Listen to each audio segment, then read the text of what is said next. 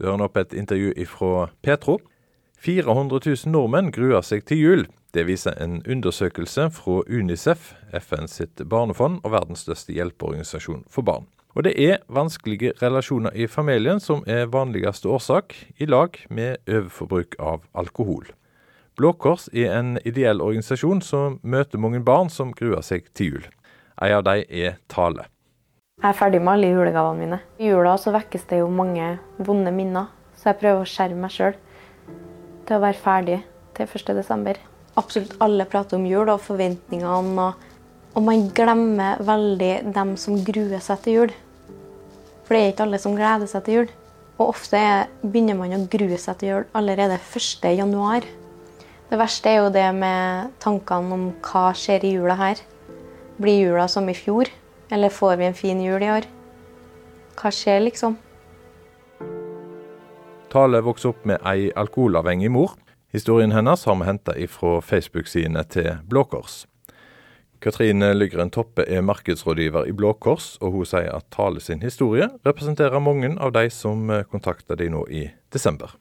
Ja, um, jeg tenker at Tale dessverre er uh, veldig representativ. Vi merker det på reaksjonene fra fra videoen eh, til Tale. Det er altfor mange som kjenner seg igjen i det hun beskriver. Eh, og vi i Blå Kors vi jobber jo med oppvekst, avhengighet og inkludering. Og gjennom eh, alle de tilbudene som vi har for barn og unge og voksne med utfordringer, så ser vi at, at utfordringene fins over, over hele linja. Og Tale sin historie, den den er sterk, og den er dessverre noe som altfor mange kjenner seg igjen i. Men er det noe vi kan gjøre som samfunn for å gjøre at en ikke kommer i en sånn situasjon, at så mange gruer seg til desember og jul? Ja, jeg tenker at um, man skal være bevisst hva jula kan ha med seg. Uh, det er veldig sterke rammer rundt uh, jule, juletiden. Det er sterke forventninger, mange historier som gjentar seg. Det er en del alkohol involvert i jula. Og for voksne som har vært barn og vokst opp i hjem med alkoholutfordringer, så vil jo jula eh, gang på gang minne om dette. Og for eh, voksne som har alkoholutfordringer i dag, så vil jo også jula være en arena som kan være vanskelig å manøvrere seg i. Mange anledninger der alkohol er til stede. Så det jeg tenker man kan gjøre som samfunn, er å være ekstra bevisst dette her. Invitere til anledninger der ikke alkoholen har eh, ikke er det viktigste ved den anledningen, men heller samværet. Legge til rette for gode alkoholfrie alternativer. Jula er på mange måter, i fall i sosiale medier, en sånn utstillingsvindu.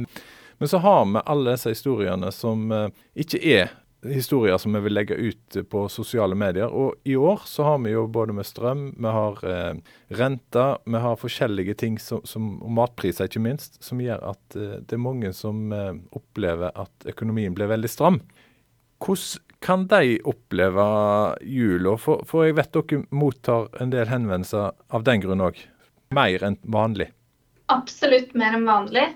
Vi ser at det er en eh, ekstremt tøff tid for eh, mange. Og de vi er i kontakt med eh, fra før av, de har jo allerede utfordringer i sin hverdag. Eh, det kan være at de har i utgangspunktet lavinntektsutfordringer. De har utfordringer med avhengighet. De trenger støtte til å, til å få til et godt familieliv. Og når man får da et sånn økonomisk press i tillegg, så vil det, det vil fungere som en forsterker av de problemene som allerede er der. Men det å oppsøke hjelp, eh, hvor, eh, hvor flinke er vi til det? Eh, er det ting vi kan hjelpe hverandre med, og at den terskelen for å oppsøke hjelp blir lavere? Jeg tenker at nå er vi jo inne i man, man, hører og ser det sant, i media, at media er gode nå på å løfte fram at dette er en utfordring som gjelder mange. De som før ikke befant seg i lavinntekt, de gjør det nå. Det er mange som må be om hjelp for første gang. Eh, og da kan man jo også tenke seg hvordan det er for de som vanligvis har bedt om hjelp. De har det enda tøffere. Så som samfunn så tenker jeg vi skal fortsette å snakke om, om dette her. Man skal fortsette å støtte ideelle organisasjoner som gjør, gjør en jobb. De er en de er en forlenget arm. ikke sant? De kan, de, mange har lyst til å hjelpe, og det kan man gjøre ved å støtte ideelle organisasjoner. Um, jeg tenker at man også skal løfte sitt eget blikk. Det kan jo hende at man, uh, man ser noe i sin nærhet som, som man kan uh, handle på.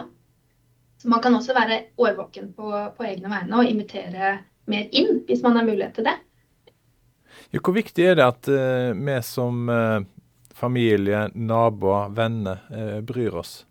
Det er så viktig. Det er jo det viktigste.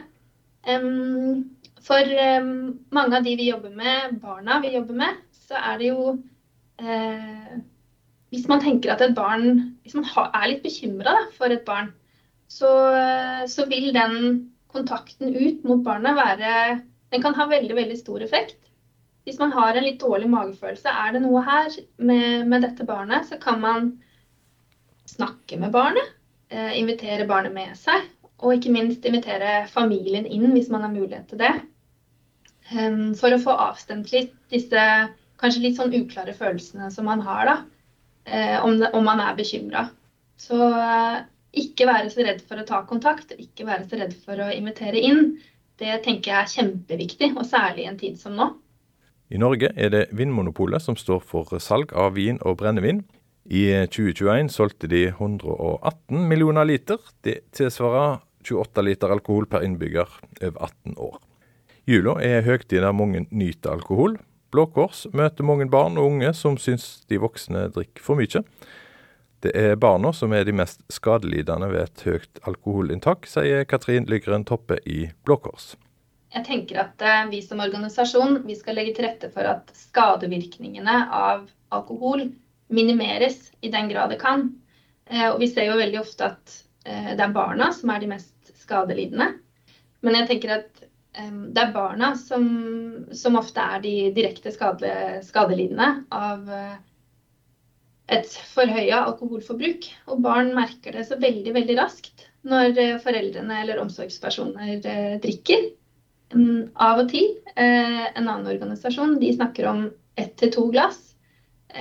Og utover det så vil et barn kunne merke endringene på, på foreldrene. Og det beste for barna er jo at foreldrene er som, som de pleier å være.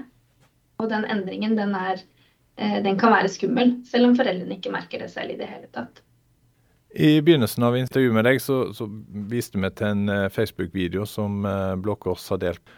Og Der er det Tale som forteller om at hun gruer seg til desember og jul, og at mange allerede i januar begynner å grue seg til eh, julemånen. Hva betyr det for barn og unge at, at hun Tale står fram og forteller sin historie? Det vi, eh, det vi, hører på reaksjonene fra historien til Tale, det er at eh, nettopp det Takk for at du forteller. Takk for at du viser meg at jeg ikke er alene. Dette kan være eh, reaksjoner fra voksne, ordentlig voksne folk som har opplevd dette, kanskje aldri snakket om det før. Og det kan jo være jevnaldrende ved tale som, som, har det tettere på. Så den åpenheten, den er vi veldig for. Og den gjør jo at pårørende kan få hjelp. Og vi håper også at den bidrar til at den med utfordringer også tør å be om hjelp. Blå Kors har jo tilbud for pårørende og for de som strever med avhengighet. Og vi vil vi vil nå ut til, eh, til, de vi er til for, og de som trenger oss. Den historien som hun forteller, går det an å, å skjønne hvor viktig den er for de ungene som opplever seg alene om denne situasjonen?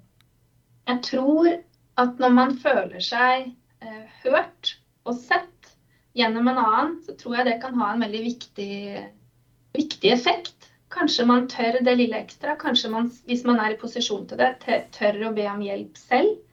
Kanskje man tør å strekke hånden ut til, til en annen man er bekymra for. Jeg tror ikke vi skal undervurdere den effekten vi mennesker har på hverandre som medmennesker, og som litt sånn bærer av hverandres historier. Så uh, ja, det tror jeg vet ikke om det går an å skjønne hvis man ikke er oppi det selv, men, men jeg, jeg syns det er veldig viktig at vi får lov til å løfte fram stemmer som, som taler sin. Nå jobber du som eh, markedsrådgiver i Blå Kors. Når du snakker om jul og desember nå, har det endra seg eh, med alle de historiene du får høre? Svaret er ja. Det har endra seg veldig. Man får jo en veldig dybde i å forstå hvordan, eh, hvordan livet for mange henger sammen. Det er jo eh, historier som man kanskje ikke hører så ofte hvis man ikke oppsøker de. Mange har lyst til å ikke høre de også. Det er for sterkt, det er for vondt. Jeg får en utrolig respekt for de som har gjennomgått vanskelige ting, og de som gjør det. Jeg har også et barn.